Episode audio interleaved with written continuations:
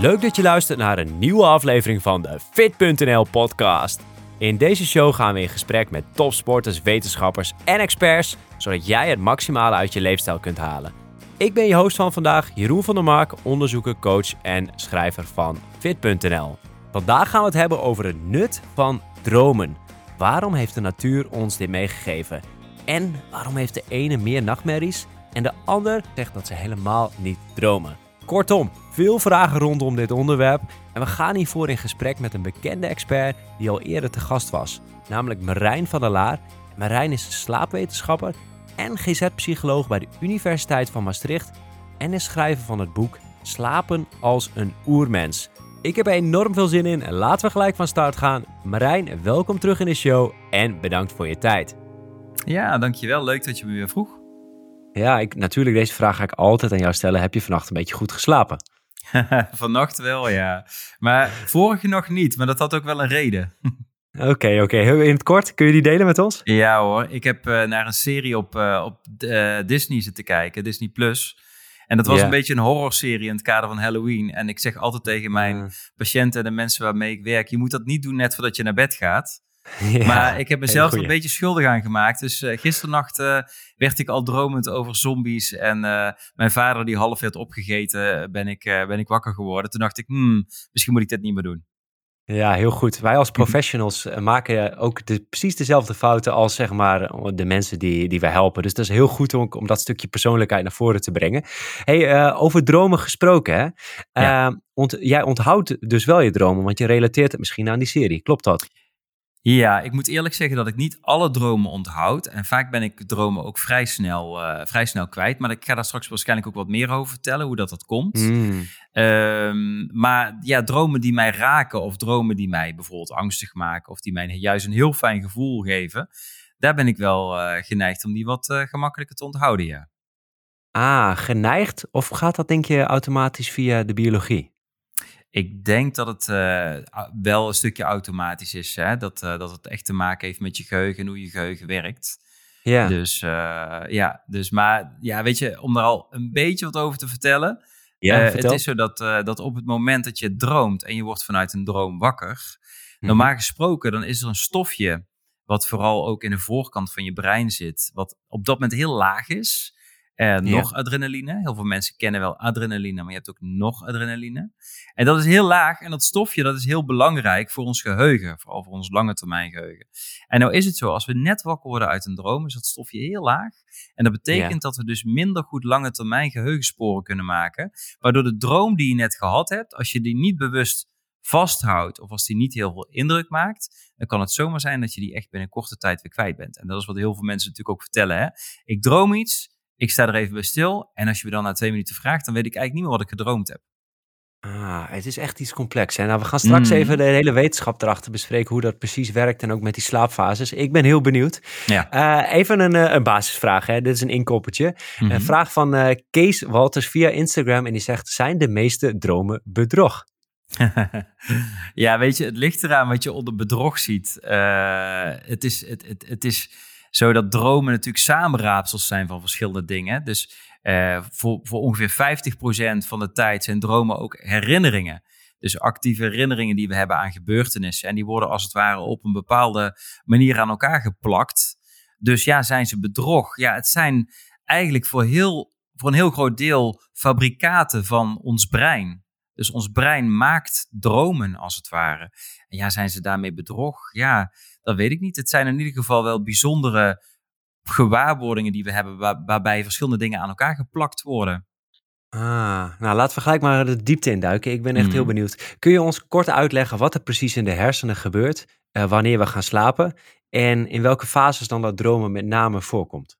Ja, nou slaap is natuurlijk een rustperiode. Dus je ziet dat tijdens de slaap over het algemeen er een vertraging plaatsvindt van verschillende processen. Onder andere bijvoorbeeld de hersengolven, de hartslag, ademhaling.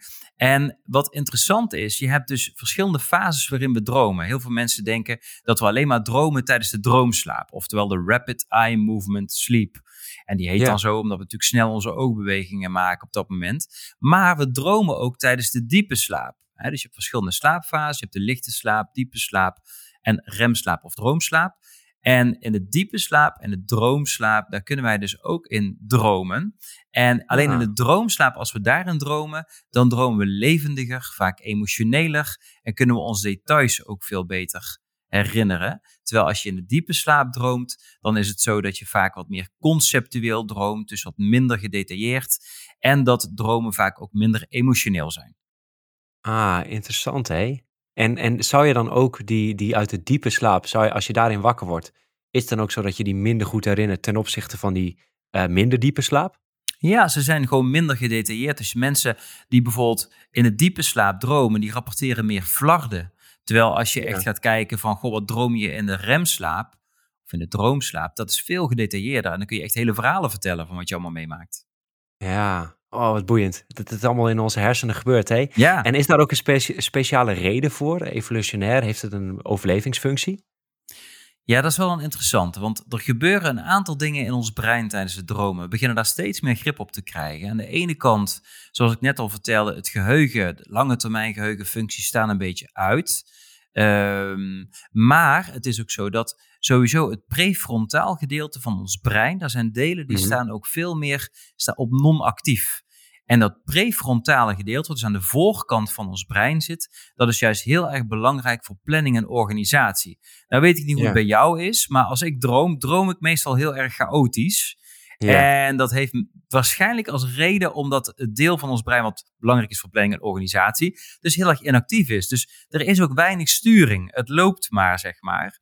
Een ander hmm. aspect wat er gebeurt tijdens onze dromen, dat is dat als we dromen, dan staat de amygdala, dat is een soort van centrum in ons brein wat emoties toekent aan een gebeurtenis, die staat heel erg aan. En wat bedoel ik met emoties toekennen aan een gebeurtenis? Stel je voor, je ligt in bed en er staat een bruine beer naast je bed dan is het natuurlijk handig dat je op dat moment die situatie interpreteert als gevaarlijk. Hè? Dus daar heb je angst bij of daar word je boos van. Nou, bij een beer word je als het goed is niet snel boos. Dan denk je eerder gewoon rennen. Ja, ja. Ehm, maar die amygdala staat dus heel erg te vuren tijdens onze droomslaap. Dat is ook waarom ze denken dat dromen heel erg belangrijk zijn voor het verwerken van emoties. Ah. En wat nou en, en waarom? is. En waarom, zou dat, waarom, waarom is dat belangrijk om dat te verwerken? Ja, nou dan moet je dus eigenlijk gaan kijken naar wat gebeurt er tijdens ons dromen. Uh, als je droomt, dan staat aan de ene kant staat dus dat emotionele centrum heel erg aan, dus die amygdala. En aan de andere kant maak je oogbewegingen, rapid eye movement.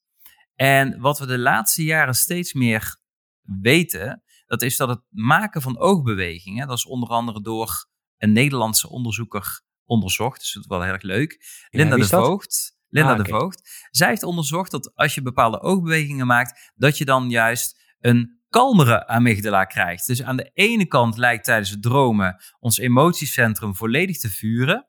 En aan de mhm. andere kant zijn we iets aan het doen waardoor we letterlijk datzelfde emotiecentrum weer wat kalmer maken. Wat nou de theorie is, is dat wij in dromen uh, met verschillende problemen te maken krijgen. Dus we zien verschillende dingen komen we tegen. We komen angstige dromen tegen. We moeten soms kunnen reageren. Uh, er gebeurt soms heel veel. Het is soms heel chaotisch. En dat dromen ook een manier zijn om ons tot betere oplossingen te brengen. En nou is het zo dat als jij oplossingen wil verzinnen voor een probleem en je bent super emotioneel, dan kom je waarschijnlijk tot een minder goede oplossing dan als jij gewoon helder kan denken. Dus het idee is dat je aan de ene kant oplossingsgerichter aan denken bent tijdens dromen. Dus je verbreedt als het ware je scenario en oplossingen. Maar je zorgt er ook nog voor dat je de emoties beter kan beheersen en kan verwerken. Waardoor je ook nog tot slimmere oplossingen komt. Ah, en nou wordt het natuurlijk interessant. Want mensen dromen relatief vrij lang. Maar ik weet niet hoe het bij jou zit. Maar je hebt natuurlijk geen klauwen. En je kunt ook geen 90 km per uur rennen, net als ik. Dus wij moeten het ook vooral van ons brein hebben. En de lange termijn slimme oplossingen. Zoals de uitvinding van het wiel, zoals ja. onszelf veilig maken tegen roofdieren. Dus waarschijnlijk hebben die dromen een belangrijke rol gehad in het lange termijn denken, oplossingsgericht denken en het optimaal benutten van ons brein. Ah, vet. Heb jij een keer zo'n zo'n inzichtmoment gehad door een droom dat je een mhm. oplossing hebt gemaakt of gebeurt dat onderbewust?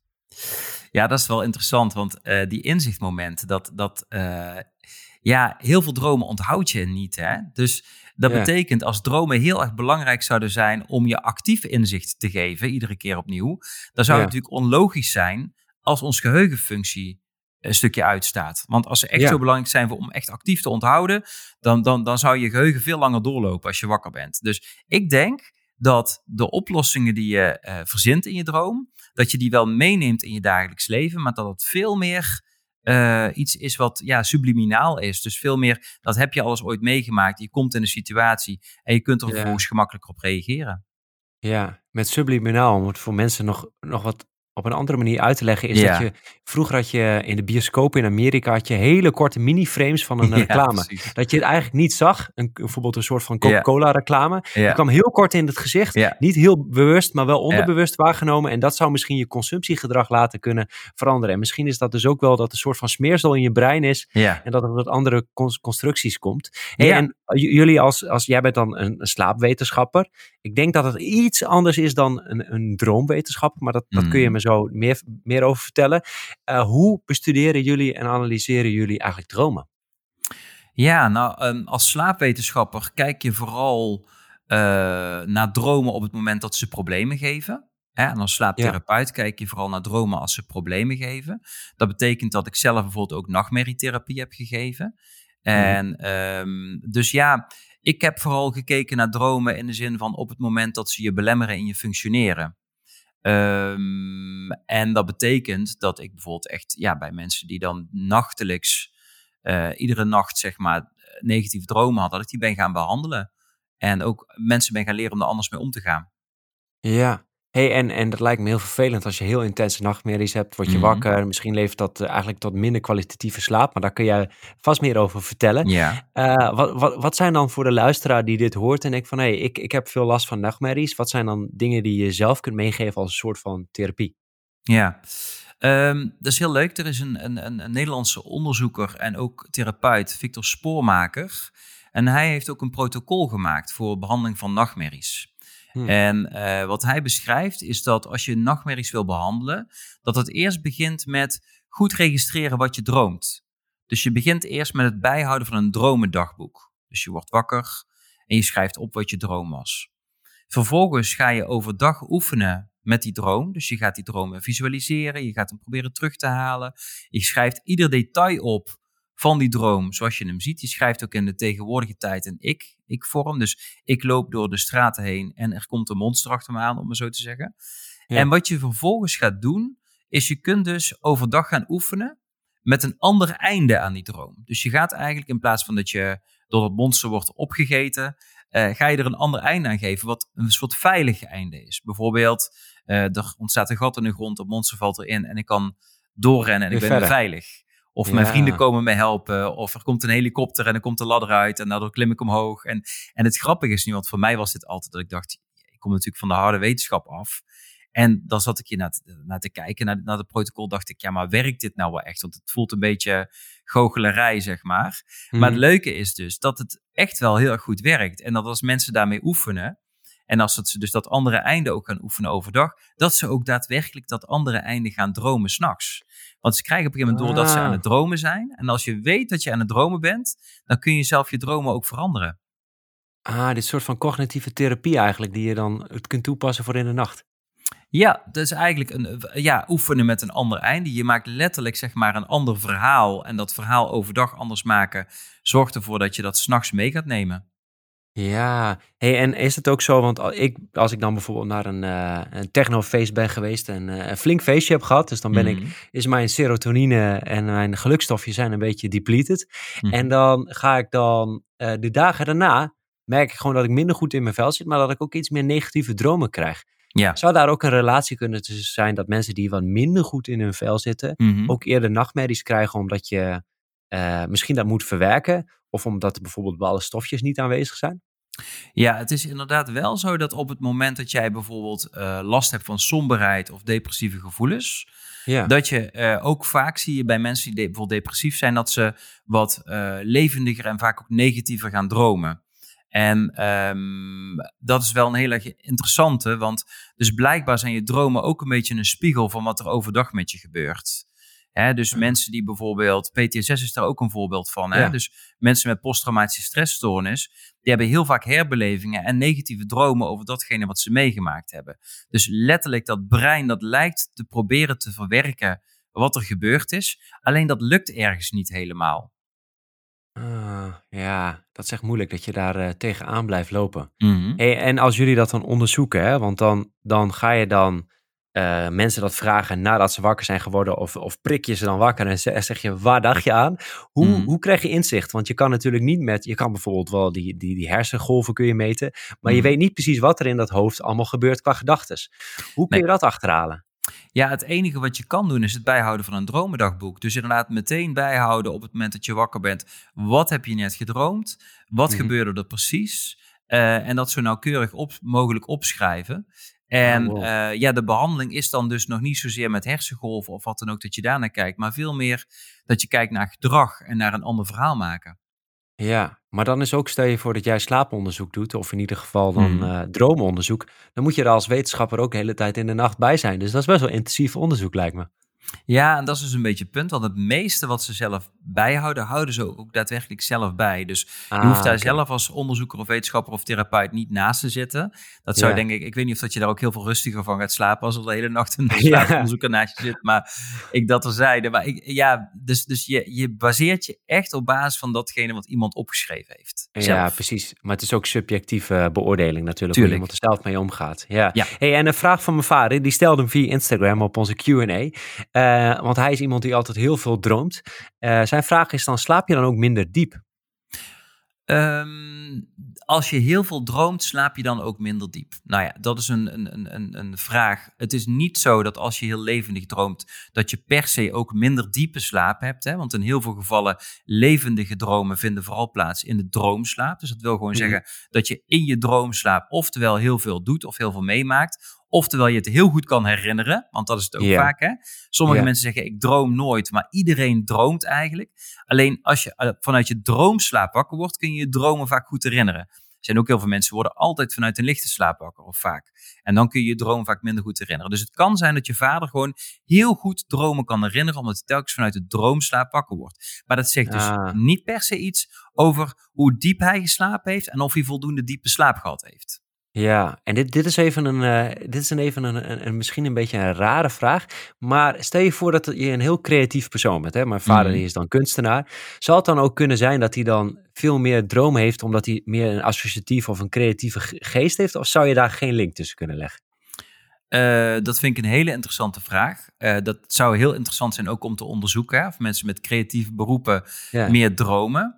Ehm, het is natuurlijk wel zo dat dromen, als je, als je een droom maakt s'nachts, dan Mhm. maak je natuurlijk, hè, vijf- zoals ik al zei, 50% van die dromen zijn echt te herleiden tot herinneringen. En als je Ja. natuurlijk heel veel creatieve herinneringen hebt en heel veel met creatieve processen bezig bent, dan ga je die dromenbibliotheek in, zo noem ik het dan vaak. En dan pak je er een Ja. boek uit, wat natuurlijk past bij het gevoel wat jij op dat moment hebt. Maar bij iemand die kunstenaar is, kan dat boek sowieso veel creatiever zijn. Want die heeft veel meer herinneringen die ook met creativiteit te maken hebben. Dus ik kan me voorstellen dat iemand die creatiever is, vaak ook Ja. creatiever droomt. Maar ik kan dat niet hard maken. Maar ik kan het me zo voorstellen. Ja, maar het kan misschien ook op andere vlakken. Kan ook bijvoorbeeld als je een redelijk prikkelarm leven leidt versus een prikkelrijk leven. Mhm. Dat dat natuurlijk ook tot veel meer indrukken leidt, waardoor je ook veel intensiever kan gaan dromen. Ja, dat klopt. Ja, ja, ja. Ja. dat is zeker zo. Ja. Ja, en als we het dan over toch hebben over het prikkelarm versus prikkelrijk. Als je dan wat ouder wordt, zullen dan Mhm. de dromen ook veranderen? Ja, het is wel zo dat mensen die ouder worden, als je gaat kijken sowieso naar de slaapstructuur van mensen die ouder worden, dan zie je vaak dat ze relatief gezien nog wel net zo lang slapen als volwassenen. Want dat wordt vaak gedacht, hè, ouderen slapen Ja. minder lang.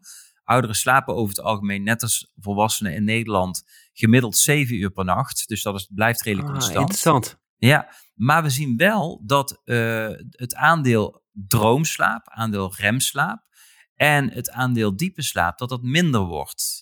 En dat heeft Ah. waarschijnlijk allerlei redenen. Dat heeft waarschijnlijk te maken met het feit dat, die, eh, dat het systeem wat slaap-waak regelt gewoon minder stabiel wordt. Maar ook minder beweging, minder prikkels, waardoor ook minder herstel. Eh, en dat maakt ook dat er waarschijnlijk minder emotioneel herstel nodig is en minder fysiek herstel nodig is. En dat zou Ja, zomaar precies. kunnen dat, dat daardoor inderdaad, want het is wel zo, naarmate je ouder wordt, heb je dus minder droomherinneringen, minder droombelevingen, sowieso minder droomherinneringen. Dat weten we in ieder geval zeker.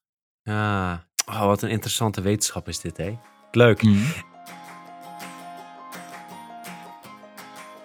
Voordat we verder gaan met deze aflevering, wil jij sterker worden, meer spiermassa opbouwen en effectief trainen met een plan dat bij jou past? En zie je door de bomen het bos niet meer? Al die informatie over training en voeding. Wat werkt nou echt? We snappen dat dit lastig is en dat je meer een plan wil dat bij jou past. FitPro is de oplossing die jij zoekt. Wij selecteren een trainingsplan dat bij jou past, bij jouw doel en niveau. Of je nou thuis of in de gym wilt trainen. Zo weet jij zeker dat je het maximale uit je training haalt. Daarnaast krijg je toegang tot onze cursussen om alles te leren over training, voeding en gezondheid. En heb je vragen? Stel ze in de Fit Community. Daar staan onze coaches en andere leden klaar om jou te helpen. Ben je benieuwd? Start gelijk met Fit Pro. Ga naar fit.nl/pro voor meer informatie of check de link in de show notes. Nu terug naar de aflevering. Uh, vraag je via Instagram. Dit vond ik een hele leuke. Volle maan, ik denk dat het een fabel is, maar laten we hem toetsen met jou. Heeft die invloed op je dromen? Of volle maan invloed heeft op je dromen? Nou, er is sowieso een hele basisdiscussie over of volle maan sowieso invloed heeft op je slaap. En daar is heel veel discussie over geweest. Ik heb er ook een tijdje geleden een filmpje over gemaakt voor de Universiteit van Nederland. En ook daarin kunnen we eigenlijk al niet echt duidelijke verbanden vinden. Er worden wel verbanden gevonden, maar dat heeft mogelijk ook te maken met de manier waarop het onderzoek plaatsgevonden heeft. Hè. Dat is het vooral mhm. retrospectief en een beetje wat ze noemen de file drawer problem. Hè. Dat betekent dat onderzoekers vooral gegevens gaan zoeken die passen bij een hypothese uit eerder gedane studies. Um, hè, dus dat betekent dat je heel veel data gaat krijgen over ja, er is een effect. En dat de data waarin geen effect gevonden wordt, wordt niet gepubliceerd. Dus met andere woorden, je denkt van oké, dit is echt wel een verband. Nou, dat weten we over slaap. Dus slaap en volle maan is al een beetje de vraag. Maar slaap- en dromenonderzoek is mij al helemaal niet bekend. Dus ah. dat wil niet zeggen dat er niet is, want ik kan natuurlijk ook niet alles weten. Maar ik kan me voorstellen dat daar ook niet echt hele duidelijke verbanden gevonden worden. Of in ieder geval, het is nog niet heel duidelijk gepubliceerd.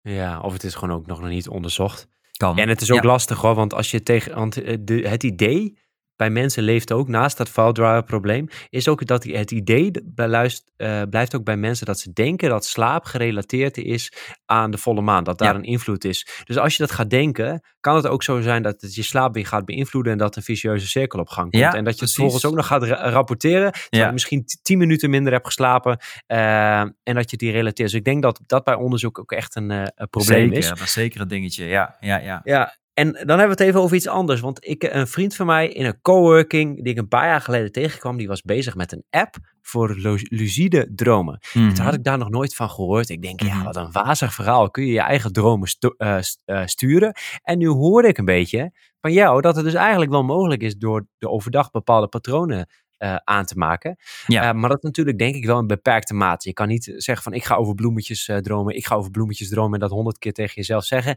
Ik weet niet of dat gaat gebeuren. Mm kun je wat meer vertellen over lucide dromen en hoe verder dat ook echt mogelijk is? Of is het meer commercie? Nee, lucide dromen is zeker mogelijk. Uh, wat je ziet is dat er mensen zijn die van nature al wat vaker lucide dromen. Dat betekent dus eigenlijk, lucide dromen betekent letterlijk verlicht dromen. Dus tijdens je droom heb je door dat je aan het dromen bent. En op het moment dat je dat door hebt, dan ben je vaak beter in staat om je droom te gaan sturen.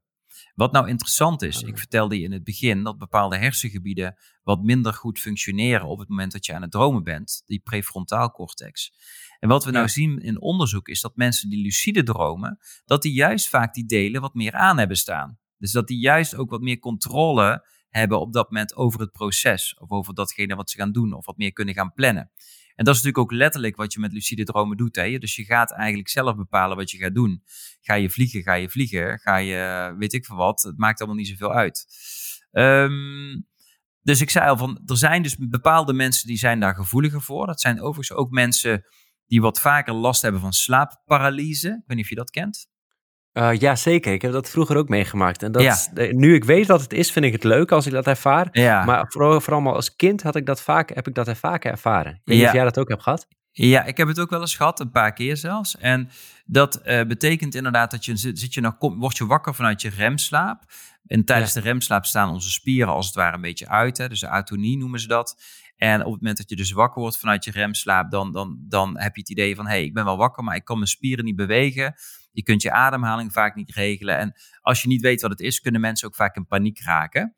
Maar mensen die dus lucide dromen, daar zie je ook vaker die slaapparalyse bij. Dus er is blijkbaar iets met die remslaap, wat daarbij toch een beetje anders is bij die droomslaap. Maar als je niet lucide droomt, kun je ook mhm. leren om lucide te dromen. Dan wordt er wel eens aan mij de vraag gesteld, is dat goed? Ja, is een goed idee. Ja, nou ik denk altijd bij mezelf, als iets heel vaak is bij heel veel mensen, vraag ik me af of je dat moet gaan veranderen. Dus er is volgens mij een reden voor het feit dat de voorkant van ons brein een beetje uitstaat tijdens dromen. Dus is het wel bedoeld om heel erg te gaan sturen op het moment dat je emotionele verwerking, met emotionele verwerking bezig bent? Of moet je juist eerder loslaten en vrijdenken, zonder dat je gehinderd wordt door je uh, vaste gedachtenpatronen of de dingen die je wil? Dus ik, ik, ja, ik ben daar een beetje sceptisch in. Ik weet dat er ook onderzoekers zijn die zeggen, ja, uh, lucide dromen, daar kun je zelfs ook beter door gaan functioneren. Daar voel je je beter door. Een andere groep zegt, je moet dat vooral niet doen. Dus daar is ook nog wat discussie over in de wetenschappelijke wereld. Ja. Um, maar je kunt het, dus wel gedaan? leren. Ik heb het zelf per ongeluk gedaan, ja, maar, niet, maar, niet, maar niet geoefend. Ik ben nou eigenlijk, ik, ik ben wat vaker van iets wat natuurlijk is, wil ik graag zo laten. Maar dat is misschien ook wel een beetje mijn eigen persoonlijkheid. Dat ik denk, ja, dat is niet voor niks zo. Ja. Oké, ja. mooi. Nog een beetje conservatief, maar misschien wel functioneel op een bepaalde manier. Ja, dat hoop ik. Ja, en, en als we kijken naar beroemde voorbeelden, hè, zijn er mensen die bijvoorbeeld hun dromen hebben gebruikt voor creatieve processen en die er ook echt mhm. over hebben geschreven. Sommige mensen, bijvoorbeeld Steve Jobs, die zeggen ja, ik kwam tot inzicht als ik ging wandelen of zo. Oh, ja. zijn, er, zijn er bepaalde voorbeelden die je toevallig weet? Ja, er zijn een paar voorbeelden hoor. Een van de bekende voorbeelden is van Mary Shelley. Toen zij uh, haar nieuwe roman Frankenstein uh, uitbracht. Um, wat er een beetje in de overlevering, want je hebt hier ook heel veel te maken met natuurlijk uh, sensatie. Hè? Want ja. wat is er door de persoon zelf verteld en wat is er later ingevuld in een biografie? Um, maar Mary Shelley zou uh, s'avonds gepraat hebben over het leven en hoe je het leven zou kunnen beïnvloeden is gaan denken of praten ook over de dood en hoe je iemand uit de dood opnieuw zou kunnen wekken. En is vervolgens in haar droom, heeft zij beelden gezien van een bleke persoon, van iemand die inderdaad samengesteld werd uit verschillende lichamen. En dat zou dan eigenlijk uiteindelijk haar inspiratie zijn geweest tot het schrijven van het boek Frankenstein. Wow. En wat we natuurlijk allemaal wel kennen. Ehm, een ander heel bekend voorbeeld waar ik ook wat sceptisch over ben, is van Albert Einstein. Ja. Albert Einstein zou een droom hebben gehad over ik slee van een berg af. En die slee ging op een gegeven moment zo snel dat hij de snelheid van het licht bereikte. En dat hij zelfs de vorm van de dingen om hem heen zag veranderen en ook kleuren zag in de sterren. Zelfs de sterren veranderden toen hij zo snel met zijn slee van de berg afging. Het probleem met dit voorbeeld is dat het uit een biografie komt. Die van ver na Einsteins dood uh, dateert. En de vraag is of dat dit niet een heel klein beetje een opgeschmukt verhaal is. Einstein gaf blijkbaar wel aan dat hij vond dat imaginatie en verbeelding en visualisatie belangrijker was dan kennis. En oh, mogelijk is daar wel een beetje de droom aan gelinkt en zit er ook een beetje overlevering in. Maar ook bijvoorbeeld uh, de structuur van het atoom zou bijvoorbeeld mhm. ook in een droom ontstaan zijn. En zo zijn er meerdere voorbeelden.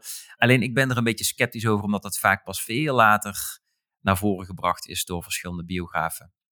Wat een mooie voorbeelden, hè? Nou, het is dat, wat, wat Einstein misschien ermee bedoelt, is je moet een beetje out of the box denken. Dus Juist. Dat, dat, en dat doe je natuurlijk bij dromen wel, hè? Dat denk je ook out of the box, letterlijk. Ja, hey, en, en zijn er nou, is het een goed idee om dromen beter te willen onthouden? En zo ja, uh, zijn daar praktische tips van? En zo nee, ja, dan kun je het beter laten. Ja, ik denk dat een droom onthouden wordt als die belangrijk is voor je. Dus als die veel doet met je emotie, als die veel impact heeft. Want wat er dan gebeurt is je wordt wakker en je blijft nog even bezig met die droom, waardoor die een nog adrenaline de tijd heeft om op te bouwen en je ook daadwerkelijk een lange termijn geheugenspoor kan maken. Ehm, maar op het moment dat wij al onze dromen zouden moeten gaan onthouden, dan is het maar de vraag of we niet ook gewoon een overbelast brein gaan krijgen. Want we dromen vier, vijf keer uh, per nacht. Uh, vaak langere dromen ook. Kan goed 15, 20 minuten duren, een droom. Als je dat allemaal zou moeten gaan onthouden, de vraag is of dat wel zo functioneel is. Dus ik denk dat um, dromen die je moet onthouden, die zul je waarschijnlijk vanuit de biologie onthouden. En de andere dromen, dus ik, ik heb vorige week hè, in, in, in, Utrecht in het Zweefcafé gestaan, samen met de dromendokter. En hij is heel erg van de uitleg van dromen Hij zegt, je Mhm. moet alle dromen, of in ieder geval veel dromen, proberen uit te leggen. En dat zegt iets over je onbewuste.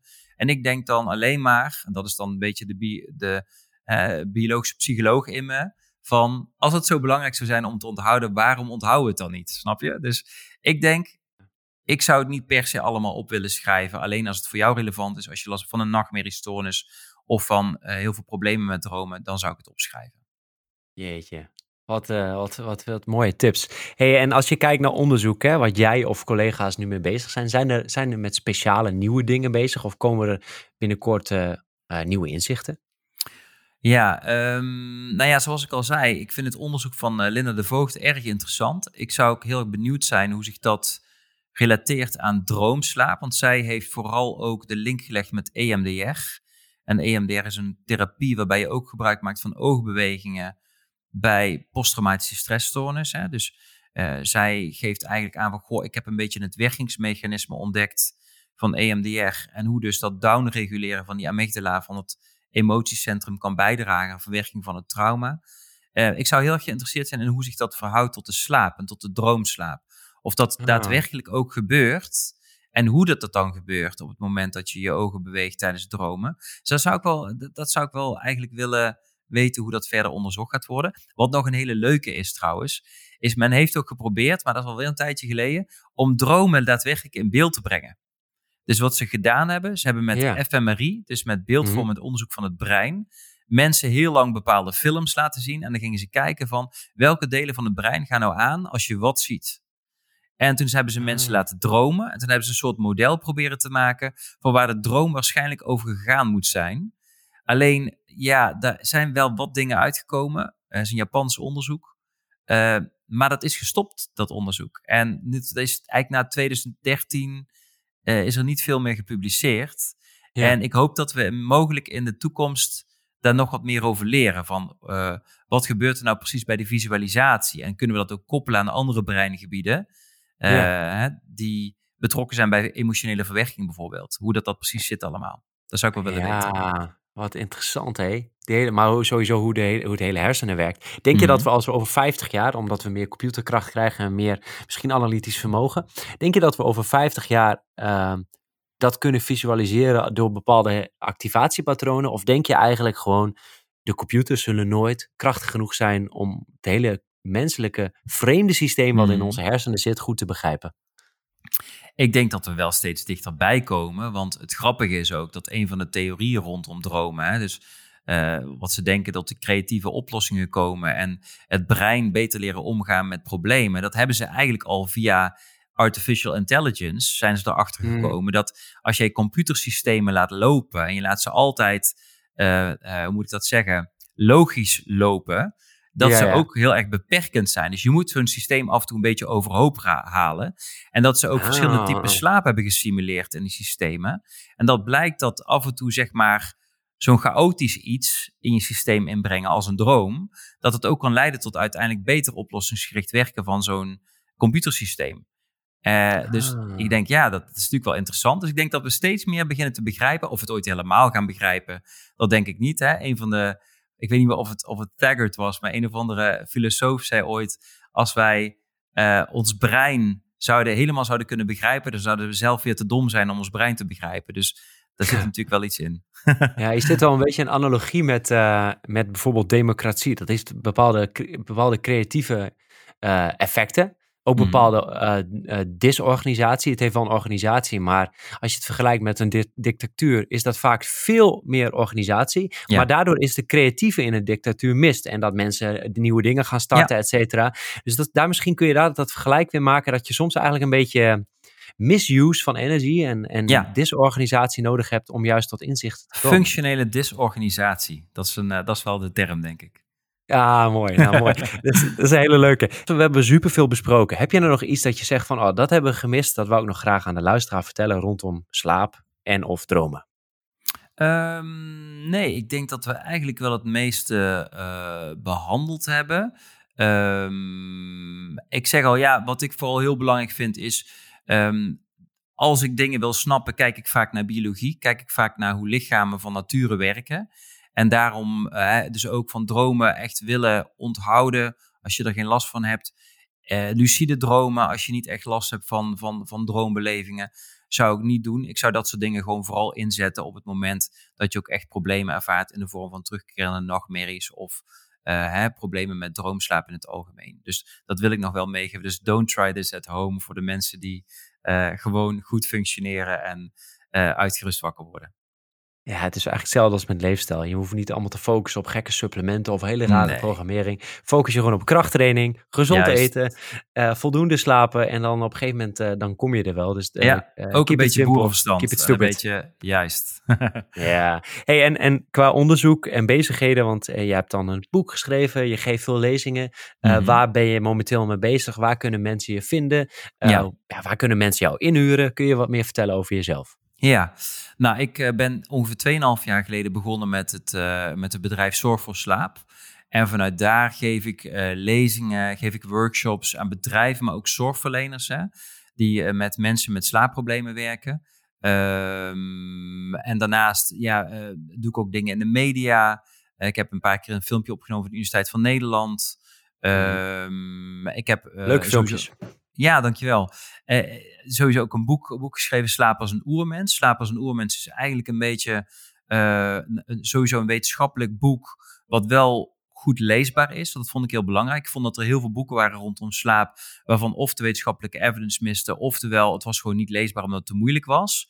Uh, dus dat vond ik heel leuk om te schrijven. En ja, wie weet komt er binnenkort weer een nieuw boek aan.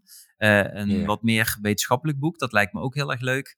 En verder, ja, waar ben ik nog meer mee bezig? Ik uh, uh, ja, ben sowieso op LinkedIn heel druk. Dus als mensen wat dingen willen weten... Dingen. Ja, precies. Ja. Nieuw, nieuwste wetenschappelijke inzichten. Op Instagram onder DR Slaap. Dat is dan wel weer in het Engels. Wat ik ook probeer om ook een beetje mijn vleugels uit te spreiden en te kijken of dat ik mogelijk ook in het buitenland wat dingen kan gaan doen rondom slaap. Dat lijkt me in ieder geval heel erg leuk. Uh, mm. Dus daar ben ik allemaal mee bezig. Ja, en ik, ben, ik zie zeg maar van de zijkant, omdat ik je nu al twee jaar volg, is dat je wel echt heel druk bent en heel veel dingen doet. Dus daarom mijn vraag ook aan jij. Uh, slaap je nou beter sinds dat je zo zelfstandig ondernemer bent geworden en je eigen bedrijf hebt opgestart? Of sliep je daarvoor beter? dat is een beetje een strikvraag, hè? um, ik merk dat ik uh, nu... Ik, ja, ik denk als je me die vraag tien jaar geleden had gesteld, als ik toen een bedrijf had gestart, dat ik slapeloze nacht had gehad. Mm -hmm. Maar ik merk wel met het ouder worden en met het uh, ja, wat meer kunnen relativeren dat ja. ik nu toch mijn slaap redelijk goed hou. Dus dat ik minder gevoelig ben voor spanningen, uh, dingen van buitenaf, maar ook door de dingen die ik zelf geleerd heb. Hè? Dus door het werken ja. met slaap en bekendbaken. Dus ik denk, ik denk dat het, ja, mijn slaap nu is eigenlijk wel prima. Ja. Ah, nice. Je hebt ook meer competentie. Je weet er meer over. Je voelt jezelf zeker. Dat helpt ook wel gewoon heel veel. Zeker. En ja. jij gaat uh, uh, binnenkort ga je, volgens mij zei je morgen of deze week, ga je op congres naar Japan. Had ik dat goed uh, ja, verstaan? ik ga zondag ga ik op reis naar Japan. Ik heb dan ja. uh, morgen heb ik uh, een, een, training voor, voor BOA's. Zaterdag dan heb ik een training voor apothekers. Voor ah. 40 man. en dan zondag ga ik met gierende banden richting Japan. Dus ik ren een beetje de vakantie in. Dat is dan wat ik Heel misschien goed. nog een beetje moet leren. Om af en toe wat meer rust te pakken. Maar het komt ja. helemaal goed. Ik ga lekker 14 uur in een vliegtuig zitten. En daar gewoon een beetje relaxen. En misschien zelfs ook wel een beetje slapen. Ja, lekker. Nou, hopelijk kunnen we dan een keer de volgende podcast over de jetlag doen, want die volgt oh, natuurlijk hartstikke. Ja, ja nou, ik, wil je, ik, wil je, ik wil je echt bedanken Marijn voor je tijd en uh, ja, je kan zo mooi uitleggen. Ja, super bedankt. Yes, jij ook bedankt hè. Leuk dat je hebt geluisterd naar deze aflevering. Wil je meer informatie? Bekijk de show notes voor alle linkjes naar de artikelen en besproken boeken. En voordat je de show uitzet, nog even twee huishoudelijke dingen. We zouden het super leuk vinden als je een review achterlaat via iTunes. Steun de show door een geschreven tekstrecensie achter te laten via iTunes of een review met sterren via Spotify. En vind je deze aflevering waardevol? Deel hem dan met familie en vrienden via WhatsApp of via andere social media. Zo kunnen wij nog meer mensen in Nederland helpen met tips om hun leefstijl en gezondheid te verbeteren. Als je dit hebt gedaan, super bedankt hiervoor namens het hele team. We zijn hier heel dankbaar voor. Dit was hem voor vandaag. Thanks voor het luisteren en tot bij de volgende aflevering.